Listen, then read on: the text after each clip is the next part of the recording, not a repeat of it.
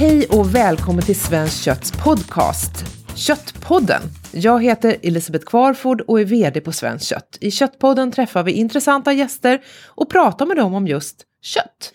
Idag har vi med oss Jeanette Blackert, grisbonde från Vistena Askegård i Östergötland och som brinner lite extra för att öppna upp grisstallarna för allmänheten. Välkommen Jeanette! Eh, saknar du djuren när du reser bort så här? Nej, det får jag nog eh, ärlighetens namn säga att det är rätt skönt att komma bort någon gång ibland. Ja. ja. Eh, jag tänker att vi börjar med några snabba frågor för att lyssnarna ska få lära känna dig lite bättre. Så vem är Jeanette Blackert egentligen? Ja, jag är väl en eh, bondtös som absolut inte skulle bli bonden. Jag, för att mina föräldrar jobbade jämt och var inte lediga så det såg jag inte som något yrke, framtidsyrke för min del. Men när man blir äldre så får man lite andra värderingar och, och lantbruket blir modernare så att ja, jag är nog född bonde. Men du kommer inte från Östergötland, även om du börjar låta mer och mer som om att du kommer från Östergötland? Ja, nej, jag är västgöte från början och uppfödd på mjölkgård. Och eh, sen när jag gick skolan så eh, fick jag, fick jag upp ögonen för grisar, dessa underbara djur. Men om jag säger kött, vad tänker du på då? God mat. Och säger du fläskkött eller griskött? Ja, det beror nog liksom vilka sammanhang, men oftast blir det nog griskött. Hur ofta äter du griskött? Ja, så ofta jag kan, flera gånger i veckan. och är du från dina grisar då, eller är det så att du går och handlar i butiken? Nej, oftast av bekvämlighetsskäl så är det nog att jag köper i affären. Mm. Det är inte så lätt att ta återtag, det gör vi ibland, men eh, ofta så blir det nog faktiskt köpt i affären. Just det. Mm. Och för de som inte är helt eh, införstådda med vad återtag är, vad är det för någonting? Det är om vi levererar våra grisar till slakteriet så kan vi få tillbaka grisarna styckade och, och slaktade och styckade då i detaljer som vi stoppar i frysen. Just. Men då får vi ta tillbaka en hel gris eller så då. Ja. För att få vårt egna. Det är det som vissa bönder gör när de vill sälja egna köttlådor ja, direkt till precis. konsumenten. Då gör man ett återtag ja. från slakteriet. Mm, det stämmer. Om du bara skulle få äta en rätt med griskött i resten av livet, vilken skulle det vara? Mm. Stekt fläsk med raggmunk. Aha. Och, och lingonsylt? Ja, det kan man ha till men det är inte nödvändigt. Ja, alltså jag fick ju äta alldeles för mycket stekt fläsk när jag var liten så att, så att jag, vi åt det en gång i veckan. Ja. Eh, och, eh, så jag tyckte väl att det var sådär. Nu tycker jag att det är gott igen. Ja. Även om jag kanske inte äter det en gång i veckan längre. Nej. Men just eh, ja, men raggmunk och ja, Man kan ha löksås ibland också. Potatis och löksås, det är också väldigt gott. Alltså om man ska prata annat kött, vilket eh, är det bästa kött du ätit då? Ja, det är nog biff Rydberg. En eh, riktigt bra stekt oxfilé. Det är svårslaget. Och det äckligaste kött du har ätit då? Jag vet inte är om det... man ska prata illa men jag, jag, är inte så förtjust i lamm och fårkött faktiskt. Mm. Jag har lite svårt för den smaken. Ja.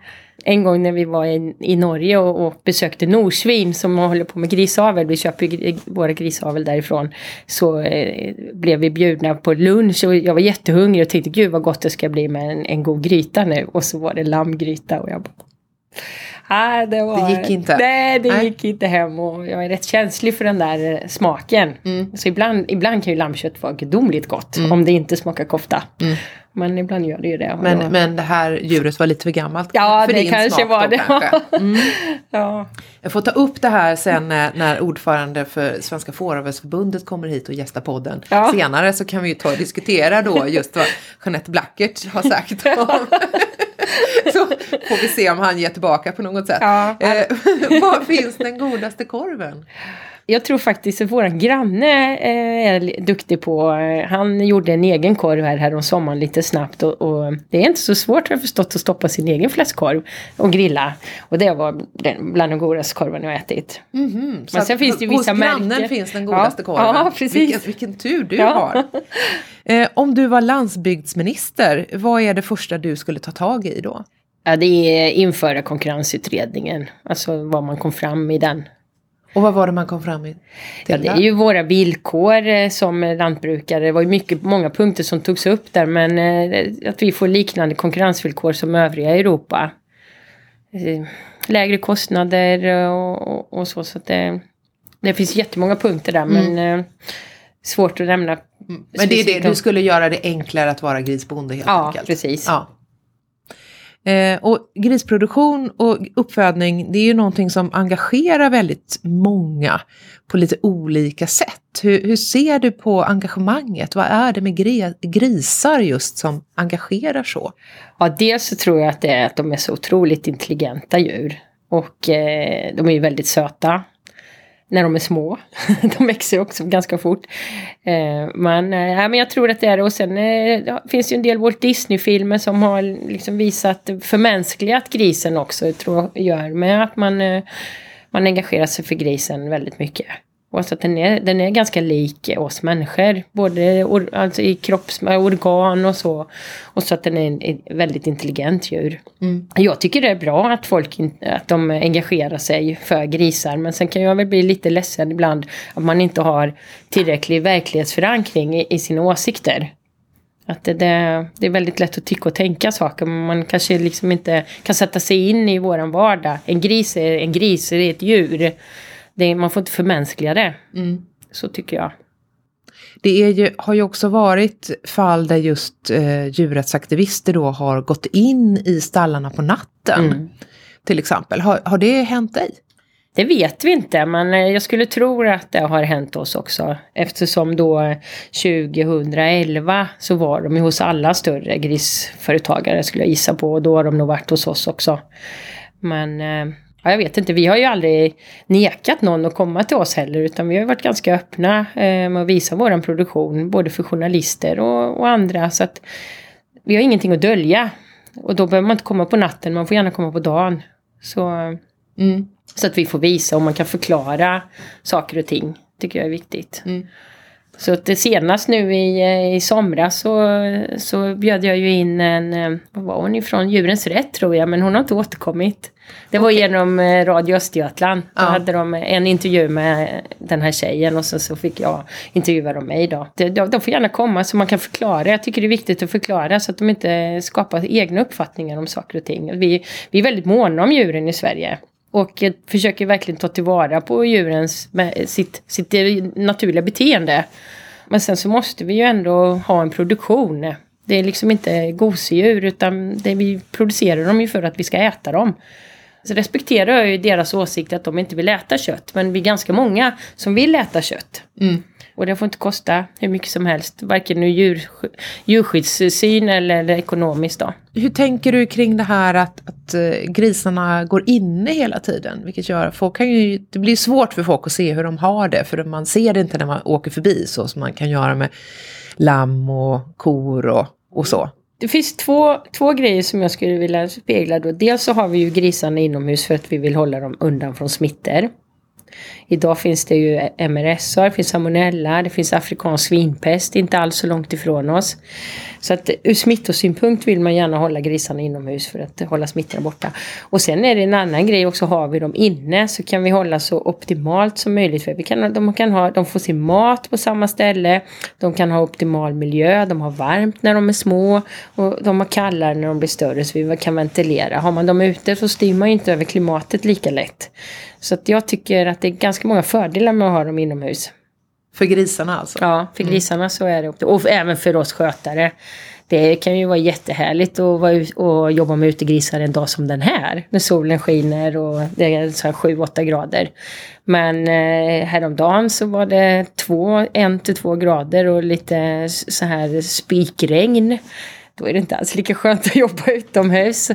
Eh, och likadant en riktigt varm sommardag kan det också vara skönt att, att vara mer inomhus. Så, men jag kan förstå konsumenten, man blir mer misstänksam just med det att man inte ser hur de har det. Och det är väl lite därför som jag och min man har valt att visa upp grisarna. Vi nekar ingen att, att komma till oss och se hur de har det. Bara vi har tid att ta emot dem så är de välkomna. Mm. Och så givetvis måste man gå igenom våra strikta smittskyddsrutiner innan man får komma in i besättningen. Vilket medför eh, klädbyte och eh, handtvätt och handdesinfektion och sånt. Är yrket och branschen, är den lite för traditionell? Borde det vara mer förnyelse? Jag vet inte riktigt hur du menar men jag vill nog säga att vi är ganska moderna eller vad ska man säga eh, jämställda i företagen, vi som jobbar och det som, det som man kan tycka är väl att det är svårt att få in nya, yngre i grisbranschen. Så jag vet inte, du kan väl utveckla Mm. frågan lite mer vad du menar med traditionell. Är det... Jag tror, jag tror nog att man liksom så undrar är, ja, att allting är så konservativt på, på, på en gård och, och så. Även Absolut jag, inte. Nej. Nej, nej, nej, nej. Eh, vi, nej, men vi, jag ty tycker nog att vi är väldigt moderna. Och så vi, så, både jag och min man jobbade som tjänstemän innan vi eh, tog över hans föräldragård och blev eh, bönder, eller man ska säga lantbruksföretagare.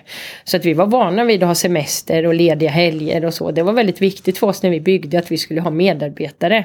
Så att vi fortsatt kunde vara lediga och vi hade ju små barn och så. Vi, vi ser oss inte som eh, lantbrukare som jobbar 365 dagar om året. Utan vi, vi vill ju vara som en vanlig familj. Sen har man ju givetvis sitt företagsansvar men det har ju alla företagare idag. mm. Hur många anställda har ni? Vi har tre medarbetare heltid och så har vi några som hjälper till under säsong och lite helger och sådär. Mm. För djur ska ju ha tillsyn 365 dagar om året, även julafton och juldagen och midsommardagen och nyårsdagen. så det är så här helgdagar man helst vill vara ledig. Ja. Men det kan man inte alltid vara då. Så om man skulle se en, en, en vanlig dag liksom i, i stallet eh, där grisarna är, vad är det som händer? Vad händer på morgonen och förmiddag, eftermiddag och, och så? Ja, När får de mat? Och, det är lite olika beroende på vilken ålder de är i. Alla grisar får mat två, eller, två till fyra gånger om dagen. Men eh, min dag börjar alltid så att jag startar utfodringen i sinavdelningen. Och där bor eh, suggorna när de inte har några smågrisar. Då är de i sin kan man säga. Så då startar vi utfodringen där och de går på stora djupströbäddar. Och för att då kunna ha koll på alla djuren så startar vi utfodringen och så går vi med utfodringen så vi ser att alla går upp och äter och att alla mår bra och så. Så det börjar min dag med och sen så är det de andra avdelningarna. Alla får, man ska se över alla grisar då, det försöker vi göra fram till frukost så att alla har fått mat och tillsyn och strö. Och eh, sen efter frukost då kan ju eh, rutinerna börja och det kan bestå av eh, vaccinationer, flyttning av djur. Är det grisning så att det föds grisar då är det väldigt mycket pyssel med de nyfödda. Man ser till så att alla får råmjölk och att de får en spene för att det kan födas mellan, vi har ungefär 14-15 grisar per kull. Men då kan det vara upp till 20-24 grisar och då finns det bara 14-15 spenar. Då måste man flytta några till en mamma som har några spenar över och så. Så att det, det är det som är så roligt med det här jobbet att ingen dag är den andra lik utan det är olika arbetsuppgifter varje dag. mm. Jag har hört att de som är kanske riktigt, riktigt små, att de kallar för, kallas för pellegrisar. Ja, de som inte hänger med, som, som eh, stannar i tillväxten lite och, och så, de kallar vi pellegrisar. Ja. Så de får man måna lite extra om och kanske byta mamma, sätta dem till någon som är en bättre mamma och, och, och så. Mm. De flesta pellegrisar blir riktiga grisar till slut. Vad är det bästa och det sämsta med att vara grisbonde? Ja, det bästa är ju att det är ett fritt arbete och ja, att det är så roliga djur att jobba med. Att det händer någonting hela tiden tycker jag. Alltså att det är ett snabbt omlopp. Det är en sugga får kultingar drygt två gånger om året och man snabbt ser sina framsteg i produktionen och, och så. Så det tycker jag är väldigt roligt. Nackdelarna, eller det tråkigaste är väl, precis som vi var inne på förut då, att eh, många kan ha åsikter om och många ser, ser kanske inte den som, som den djurvännen man är. Sen ett annat problem är ju att vi är så styrda av politiken. Kan också få tynga en ibland med alla lagar och regler och att förutsättningarna ändras för en då. Så det är väl nackdelarna skulle jag säga. Den här politiska världen som ni på något sätt lever i, att eh, ganska mycket av er verksamhet styrs av politiska beslut. Hur påverkar det hur du ser på liksom så här, tio år framöver för, för din gård och, och verksamhet? Finns det en osäkerhet där eller?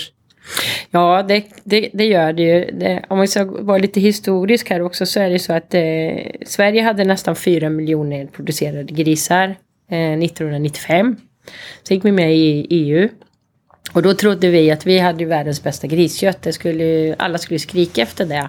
Tyvärr blev det inte så. Vi hade väldigt höga kostnader. Vi klarade inte konkurrensen. Däremot så ökade importen till Sverige då, billigt griskött ifrån framförallt Danmark och Tyskland. Så svensk grisproduktion har nästan halverats. Vi har gått ner till knappt 2,5 miljoner producerade grisar under de här eh, drygt 20 åren sen EU-inträdet då. Och det har ju gjort att eh, med dålig lönsamhet varje år, vi har haft några toppar där vi har kunnat tjäna lite pengar och att det har gått bra. Men annars har det bara varit dålig lönsamhet. Och det speglar ju i, därför det ser ut som det gör idag. Idag vill ju konsumenten ha svenskt kött. För man vet att vi har bra djur Eh, det har nått fram nu. Ja, precis. Det har nått fram nu och, och man har plockat med MRSA-debatten och det. Och liksom, men ändå så är det inte många som satsar. Idag så, så kan vi tjäna lite pengar. Om vi är duktiga så tjänar vi pengar. Men det är, in, det är ingen som vågar satsa, eller väldigt få som vågar satsa ändå. Och, och det är väl lite det jag ser också, att det fattas en generation nu. Jag är född på 70-talet. Och jag är bland de yngsta grisföretagarna i Sverige. Det finns några 80-talister också. Men de som är födda på 90-talet, de vill, liksom, de vill inte hålla på med det. För de har bara sett dålig lönsamhet och, och en nedmontering av svensk grisproduktion. Så det tror jag är ett stort hot framöver. Vem ska ta över? Vem ska fortsätta producera eller föda upp grisar? Så det tror jag man måste jobba mycket med, att vi måste se en långsiktig politisk eh, strategi. Nu kommer ju livsmedelsstrategin, men det måste till verkstad också. De måste verkligen visa att vi ska föda upp grisar i Sverige, att vi ska producera mat. Och att vi har förutsättningar för det. För att eh, annars så gör andra det och, i andra länder och så får vi importera då, men då har vi ingen egen livsmedelsförsörjning om det nu blir krig eller ja, vad som helst kan hända. Det kan ju bli ett vulkanutbrott så att man inte kan få hit mat. Det var vi ute efter för några år sedan. Så, så det är väl, ja jag tror att det, mycket hänger nog på generationsskifte och, och satsningar som vi ser det, vi, vi har ju byggt ett familjeföretag, och vi har tre medarbetare men egentligen kanske vi skulle dubbla nu då. Men vi ser liksom inte, vi är inte intresserade av det för vi, kan, vi får bara mer arbete, vi kommer inte tjäna mer pengar. Och det är ju det som är drivkraften för alla företagare egentligen. Mm. För att utveckla och... För att utvecklas ja. och, och, så. så det, ja. så det tror jag är ett stort hot för framtiden. Man måste ha framtidstro. Så Ja, nej men jag tror att det kommer det fortsatt vara en hög efterfrågan efter svenskt kött och att vi har en fortsatt hög lönsamhet under en längre tid. För har vi då haft 20-30 år med dålig lönsamhet så, så måste det ju till ganska många år för att folk ska vända och ha en framtidstro ordentligt. Att jag och min man satsar på det här, vi blev idiotförklarade även av vi kollegor när vi byggde vårt stall 2007. Det går aldrig? Nej, det går aldrig. Men vi tyckte att vi kunde grisproduktion och liksom, det var det vi kunde. Vi hade jobbat inom branschen och vi trodde att vi skulle bli väldigt duktiga. Så att vi vågade satsa på det. Men, eh, Men ni gjorde något särskilt också när ni gjorde den, den senaste ombyggnaden. Ni, ni byggde liksom besöksgångar mm. inne i i stallet så att ni skulle kunna ta emot fler besökare än vad som mm. brukar vara vanligt. Ja, vi har ju tyckt hela tiden sedan 2011 egentligen när djurrättsalliansen eh, visade sina filmer och så, så blev det en väldigt orättvis bild av svensk grisuppfödning. Så att våran eh, mission har ju varit eh, hela tiden att vi vill liksom informera och visa hur det verkligen ser ut i ett modernt grisstall. Så att vi förlängde stallet, när vi byggde vårt nyaste stall, uppfödningsstallet, så förlängde vi det lite för att kunna ha en visningsgång. Där, för det är ju väldigt risk att ta in besökare i, till grisar idag. Våra grisar är så friska. Men vi människor, vi rör oss ju globalt till eh, alla möjliga länder. Och då är det ganska stor risk att man har med sig smitt, smittor. Och kommer de då in i våra stallar kan de smitta våra grisar. Så att helst så vill vi ju inte ha in så många till djuren.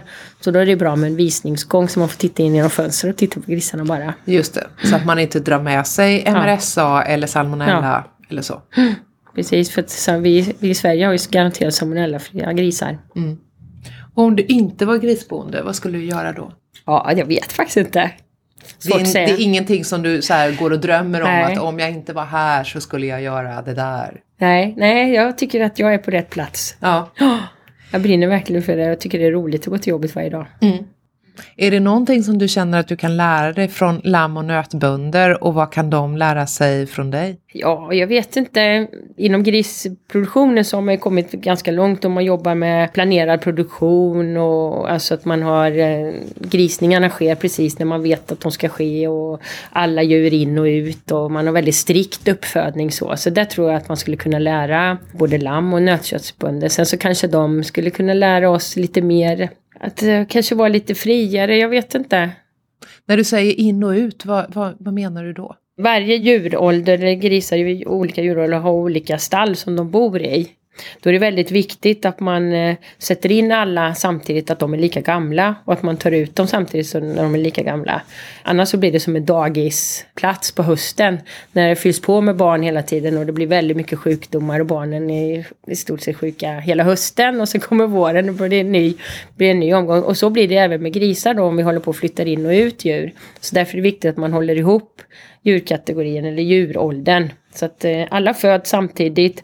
De avvänds, alltså det vill säga man tar bort dem ifrån mamman vid samma tid. Just och så kan man göra rent där, där de har varit ja, också. och det gör vi också mellan varje, varje gång vi sätter in och ut djur så tvättar vi och desinficerar. Mm.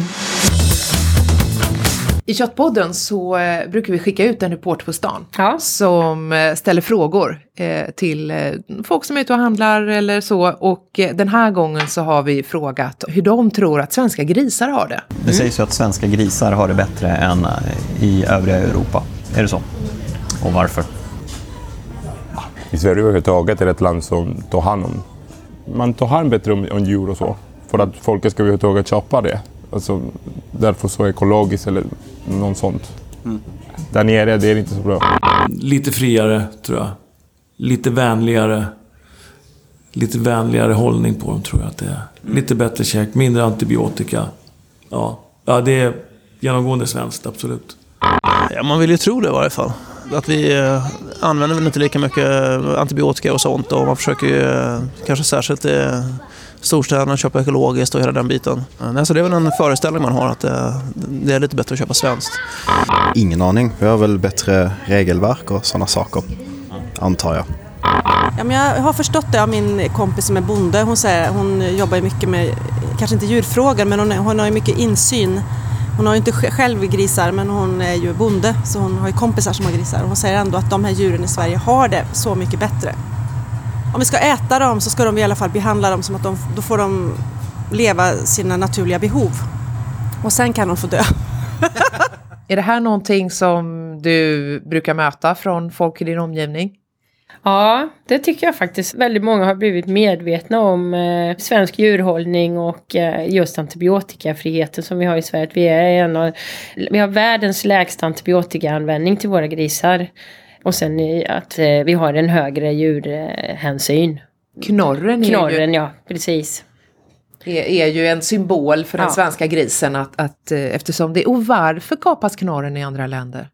När en gris blir understimulerad, vilket de blir om de har en dålig miljö och inte har något strö eller för lite utrymme, så börjar de tugga på varandra och då är svansen en väldigt lockande del av grisen eftersom den sticker ut. Så då biter de varandra i svansen och det blir en väldig inkörsport för bakterier och så. Så att det, får man svansbitning så är det, det är förödande. Och eh, det får man om man har grisarna i för dålig miljö.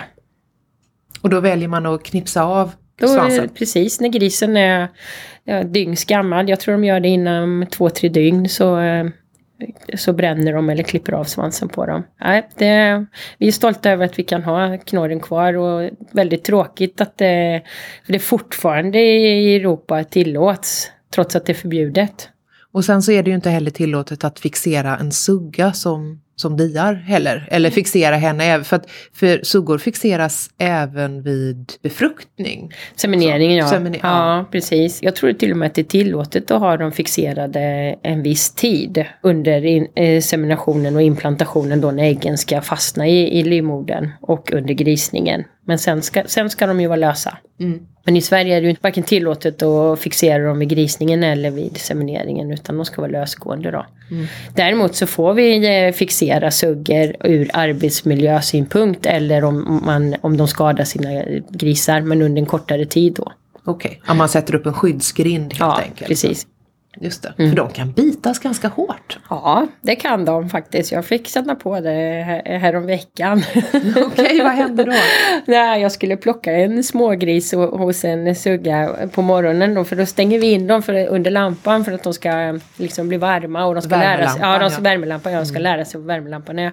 Så jag böjde mig fram och ja, upp, uppmärksammade inte att suggan, eh, att hon var lite tjurig, så rätt som det så gläfste hon till här i, så jag fick, jag fick ingen blåtira, men det var nog nära för det var precis vid ögonbrynet. Okej. Så jag var lite öm i några dagar så det var tur att hon inte tog ett större bett kände Ja, jag. just det. Du har näsan kvar. Ja, Det är ju men eh, det är väldigt sällsynt måste jag säga. Suggor är otroligt snälla djur. De kan ju försvara sina barn. Det gör ju alla mammor. Alltså det här med att eh, eh, grisar inte luktar så gott och man tycker att de är smutsiga och, och sådär. Ska vi ta och, och reda ut det där? Ja, först och främst så är grisar otroligt renliga djur. De smutsar inte ner sig för att de vill smutsa ner sig. Eller de vill inte bli skitiga ska jag säga. Däremot så kan ju inte grisar, precis som hundar, de kan inte svettas. Utan blir de varma, till varma sommardagar eller så, så, så kan de inte svettas ut överskottsvärmen utan de måste kyla ner sig på något sätt. Och då är det att, att blöta sig i gödseln eller ett gyttjebad eller, eller så då. Men eh, alltså får grisarna förutsättningar att hålla rent så håller de väldigt rent. Så de har en ätplats och en sovplats och en gödselplats. Har ni fläktar och så inne i, stallarna då? Ja, så att det inte blir för varmt för dem på sommaren? Ja, vi har ju eh, ventilation men tyvärr så är det ju så som när det blir över 28 grader ute då kan vi inte få ner temperaturen i stallarna utan då blir det ja, 30 grader. Det är oftast två graders skillnad så att det är väldigt svårt att få ner temperaturen. Då, då måste man nästan ha AC men det har vi ju inte. Utan eh, man får försöka fläkta så att det blåser på dem i alla fall då. Så det kyler ner dem. Men det är väldigt svårt. Varma sommardagar är det svårt. Så att kyla klarar de nog bättre än värme. Många pratar ju om att, att grisar är charmiga djur utöver det vanliga. Är det så? Ja, det är det. ja, alltså, jag brukar, när vi har studiebesök så säger jag alltid det att grisar är intelligenta djur på gott och ont. De lär sig bra saker snabbt och de lär sig dåliga saker snabbt. Så ja, men de är charmiga. De flesta är väldigt charmiga och, det är nog just för att de är så intelligenta. Jag ser ju på dem att de ändå har det bra. De är en gris och de ska kunna ha sitt naturliga beteende. Det är det jag tycker är rätt så viktigt. Att de liksom har sitt naturliga beteende. Och det är ju att vara gris. Det är ju inte att vara människa. Mm. Så det är en klar skillnad där. Men eh, de är ju otroligt smarta och, och väldigt keliga djur också. Om de inte är rädda för en. Så det är väldigt lätt att tämja en gris. Nu har ju vi så många hemma hos oss. Vi har ju nästan 6000 grisar. Så det är inte många som sticker ut som blir eh, favoriter. Men det finns en och annan. Och framförallt galtarna. För de, vi har bara tre galtar och de har namn. Och de har Vad vi... heter de? Ja, vi, just nu har vi en som heter Åke och en som heter Zeus och en som heter Seke. Seke börjar bli lite tåren faktiskt. Och, så ja, vi får se hur länge han hänger i än så länge. Men de, de har man kanske i ett par år så. Då, de blir ju verkligen individer. Så de går man och kliar på lite varje dag. Ja. Men det är aldrig så att det är någon gris som får flytta in hemma hos dig? Nej, det skulle aldrig min man tillåta. Eh, hur klarar sig svensk grisproduktion i ett internationellt perspektiv? Eh, ja, jag får nog faktiskt eh, skryta lite och säga att eh, svensk grisuppfödning är i framkant. Vi har väldigt friska grisar, det har vi pratat om tidigare. Vi använder väldigt lite antibiotika. De äter väldigt lite mat och växer fort och det gör också att vi har väldigt liten miljöpåverkan. Det, det som eh, vi kanske är lite dåliga på det är att ta hand om smågrisarna som det ser ut idag. Då. Så det jobbar vi väldigt med. Det är våra ständiga dilemma att få så många smågrisar som möjligt att överleva. Men Och har titta- det att göra med att, att suggan får gå in? Får gå lös ja. Ja. Ja, det har, en viss del har det med det att göra. För att när hon är lös så är det större risk att hon eh, ligger på sina smågrisar. Så att det är ihjälläggning som vi säger då. Det, det är, ja, hälften av grisarna dör av ihjälläggning kan man nog säga. Så det kämpar man ju med hela tiden och försöka styra dem. Det, det är därför jag sa att vi försöker stänga in dem under värmelampan. För de ska lära sig att där är varmt och skönt. Man ska inte ligga ute hos mamma. Utan man ska, man ska äta hos mamma och sen ska man gå och lägga sig. Under värmelampan. Så lite uppfostran ifrån dag ett där. Just det. Nu ska vi lyssna på vår återkommande expert, Dr. Kött, Maria Lundesjö. Eh, hon har faktiskt doktorerat i kött och jobbat inom slakterinäringen och har även en egen gård. Idag ska vi höra vad hon har att säga om svensk användning av antibiotika. Mm. Nu ska vi prata om antibiotika och kött. Problemet med antibiotika är ju inte att vi får i oss antibiotika av att äta kött. Utan det är ju att vi använder för mycket antibiotika i produktionen så att antibiotikan tappar verkningskraft mot de infektioner som vi vill bekämpa med antibiotika. Sverige har en låg användning av antibiotika i djurproduktionen. Det beror mycket på att vi under lång tid har haft strikta djurskyddsbestämmelser som reglerar hur mycket djur vi får ha per yta. Vi har också en fördel av att vi faktiskt har säsongsvariationer i Sverige, så att mycket av de smittsamma sjukdomarna får inte fäste hos oss eftersom vi har en vinter. I andra länder så används antibiotika mycket för att mildra övergångar när man flyttar djur, när man byter grupper, man byter foder. Då tillsätter man antibiotika i fodret eller i vattnet för att inte djuren ska tappa tillväxt när man gör de här förändringarna. I Sverige så jobbar vi mer med att ha mindre grupper, inte utsätta djuren för samma typ av stress som det här innebär. Det är en av anledningarna till att vi inte använder foderantibiotika till exempel i Sverige. Ja, det är ju väldigt intressant det här just med antibiotikafrågan. Det är ju som sagt många konsumenter som tror att det är, att det är antibiotika i köttet. Ja, och likadant med MRSA, att MRSA är i köttet. Och det är väldigt ofta man får säga att det är en hudbakterie och ingenting annat. Ja. Eh, Nu håller det ju på att lanseras eh, kött, inte svenskt kött då, utan importerat kött där man säger att det här köttet är antibiotikafritt. Alltså att man då tar en djurgrupp så skiljer man ut de djur som aldrig har fått antibiotika, då haft turen att vara friska och sen så särskiljer man dem på, på slakteriet. Och vad, vad tycker du om det? Nej, jag tycker det är förkastligt. För skulle det vara mycket sämre, det är klart, det blir ett djur sjukt, det blir som vi blir sjuka. Då måste vi få medicin och sen är vi ju friska. Det är ju inget fel på oss då. Att, Och sen så går antibiotikan ur kroppen. Ja, precis. Så att, eh, nej, jag tycker att det är helt för att då, då fördömer man ju egentligen allt annat kött som har fått antibiotika. Men jag vill nog hävda att de grisarna som har fått medicin för att de kanske har haft en ledinflammation eller så. Det är ju inget fel på det köttet när det går till slakt. Sen om den hade en ledinflammation när den var en vecka gammal. Nej, jag tycker det är helt fel strategi. Allt kött är antibiotikafritt när det går till slakt. Just Punkt. det, för att det finns en gräns för hur nära in på slakt Mm. som man får ge antibiotika. Kan du tipsa om en eh, rätt med griskött som alla kommer att älska? Säkert kort. Ja, griskind. Det är ingenting jag- kan tillaga men eh, har fått det serverat och det är bland det godaste. Och sen är det ju sida. Tycker jag ju är, det kan man göra hur mycket som helst med. Mm. Så ja, det kan Stekfläsk till exempel Ja, då. precis. Mm. Eller fläskytterfilé. Men man kan inte misslyckas med, med griskött. Tycker jag. Det är gott i alla varianter. Ja. Vad skulle du vilja ge för råd till unga? För att jag tycker att det verkar vara så att ganska många unga, de, de dissar griskött. Det blir mer kyckling eller... Ja, och det tror jag, det är ju felaktigt om man tror att det griskött är fetare kött. Men det är det ju inte. Utan det är ju lika magert egentligen. Om du skär bort eh, eh, fettranden efter, efter du har stekt givetvis. Så att du får behålla smaken i köttet. Så är det lika magert. Och ett mycket godare alternativ så är det ett mycket saftigare kött. De ska inte vara så konservativa utan... Eh, Okej, vi, ger, vi ger tips till kidsen, var inte så konservativa. nej. Har du provat att laga alla styckningsdetaljer på en gris? Nej, jag har inte kind som jag sa då och eh, lägg har jag tyvärr inte heller eh, tillagat. Jag tror jag har köpt någon färdigkokt lägg någon gång och tillagat för det är också väldigt gott. Jag är faktiskt en fena på lägg. Ja, De senaste veckorna har jag faktiskt tillagat flera gånger. ja men det är För att- gott. Ja, jag kan rekommendera om du inte har det hemma, sån här slow cooker. Ja. Alltså där man, för då kan du lägga läggen där så kan du gå och lägga dig. Mm. Och eh, så när du går upp på morgonen så är den klar. Jag brukar tycka att det är härligt att bara pilla bort svålen och fettet och så. sk- Skilja ut liksom de här bitarna som, Mm. eh, och, eh, och sen så kan du bara hälla över spadet som de har, de har kokat i och sätta in i kylen och så är det jättehärligt att värma sen. För det ju, lägger ju också någonting som nästan blir godare om det har fått kylas ner och så värmer man på det sen igen. Mm. Och så är det lite roligt för att när man tar ut den här eh, kastrullen eller vad det nu är ur kylen, då har ju det här blivit gelatin. Ja, Så att det är som att man tar ut en gigantisk sylta. och så får man liksom ner och gräva upp bitarna då så, Mm. för, att, för att värma. ja.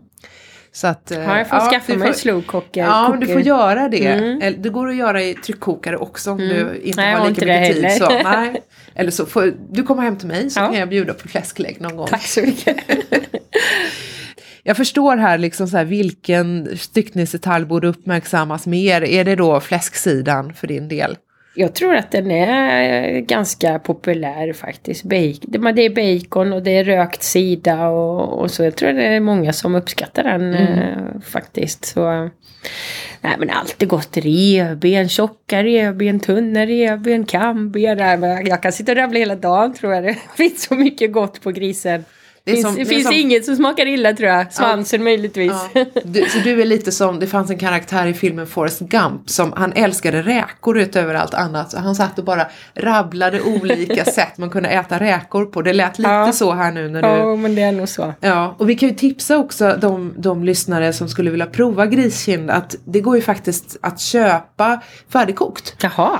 Eh, enligt den här eh, tillagningsmetoden som heter sous vide. Alltså att man har stoppat in det i en plastpåse helt enkelt och, eh, och kokat det tillsammans med den kryddning eller så som man vill ha. Och, och så köper man den och så tar man hem den och så gör man bara det allra, lägger man bara den sista touchen vid det. Och så kan man säga så här, titta här, jag har gjort en griskind. Man, och så gömmer man undan det där paketet Ja, då. ja. Så. Det är ett tips både till dig och till lyssnarna. Så Ja. kanske du också kommer att servera griskind Ja, ja, för det är otroligt gott. Det bara smälter i munnen. Hur tycker du att eh, de svenska restaurangerna jobbar med griskött? Ja, de jobbar ju inte alls med det skulle jag säga. Det är ju mycket beef och så. Sen har de ju någon kycklingrätt. Det är ju väldigt sällan griskött på menyn. Mm. Är det så en lite finare restaurang då, då kanske de har griskind. Men det finns ju mycket annat. Vi hade grisföretagardag för några år sedan. Då brukade det vara en köttkock som, kock som komponerade dagens lunch och han gjorde en sida. Långsamt stekt tror jag den var under tryck. Ja, det var, den var också supergod. Alltså, men det kan man ju klart ha på restaurang. Så himla gott. Det slår nog till och med en oxfilé. Vad är det vanligaste felet tror du som en hemmakock gör när den ska tillaga griskött? Jag steker det för länge. Tror jag så att det blir för torrt. Hur länge brukar du steka ditt då?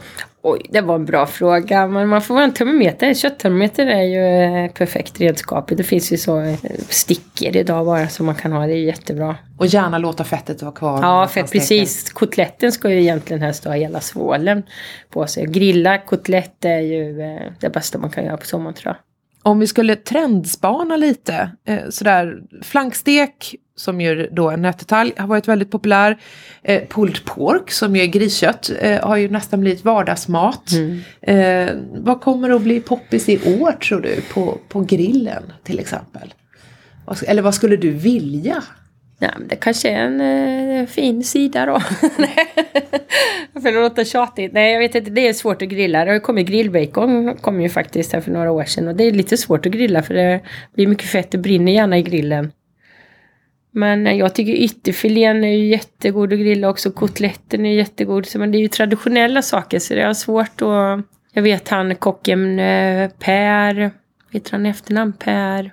Men han gjorde i alla fall grillade lägg för några år sedan eh, åt oss i Östergötland. Det var också jättegott. Så om man förkokar det så det, kan man ju även grilla lägg. Och eh, det finns ju också en styckningsdetalj som är eh, spansk-inspirerad som heter pluma. Mm. Som sitter uppe på, på ryggen på, på grisen. Och den finns ju också som, som grilldetalj. Mm. Så den kan man hålla utkik efter. Den tror jag faktiskt är supergod att grilla. Ja, jag tror att många utav dem, eh, man ska inte bara grilla karré och flintasteken är väl nästan borta nu. Men eh, Ja, den finns kvar. den finns kvar. Jag pratade med Johan Jureskog här. Han var, han var med i vårt första avsnitt. Det är faktiskt han, en av hans favoriter på grillen. Han gör Jaha. sin egen flintastek. Nej, det har aldrig varit min favorit faktiskt. Jag tycker den är svår att få till. Så Ja. att det blir riktigt bra. Den är lite ojämn i köttet så, så att det är lite svårt att få den perfekt. Ja, Jag är ju en av de bekännande flintasteksgrillarna då. Ja, Så. ja prova kotlett nästa gång. Ja, får göra det. eh, tack för att du var med i Köttpodden, Jeanette Blackert. Idag har vi lärt oss en hel del om hur vi föder upp grisar. Att eh, Sverige är ett av de bästa länderna eh, Eh, vad gäller antibiotika.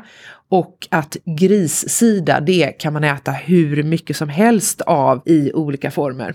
Eh, synpunkter och tips tar vi gärna emot på till exempelvis Twitter under namnet Svenskt kött eller på vår Facebook-sida som också heter Svenskt kött.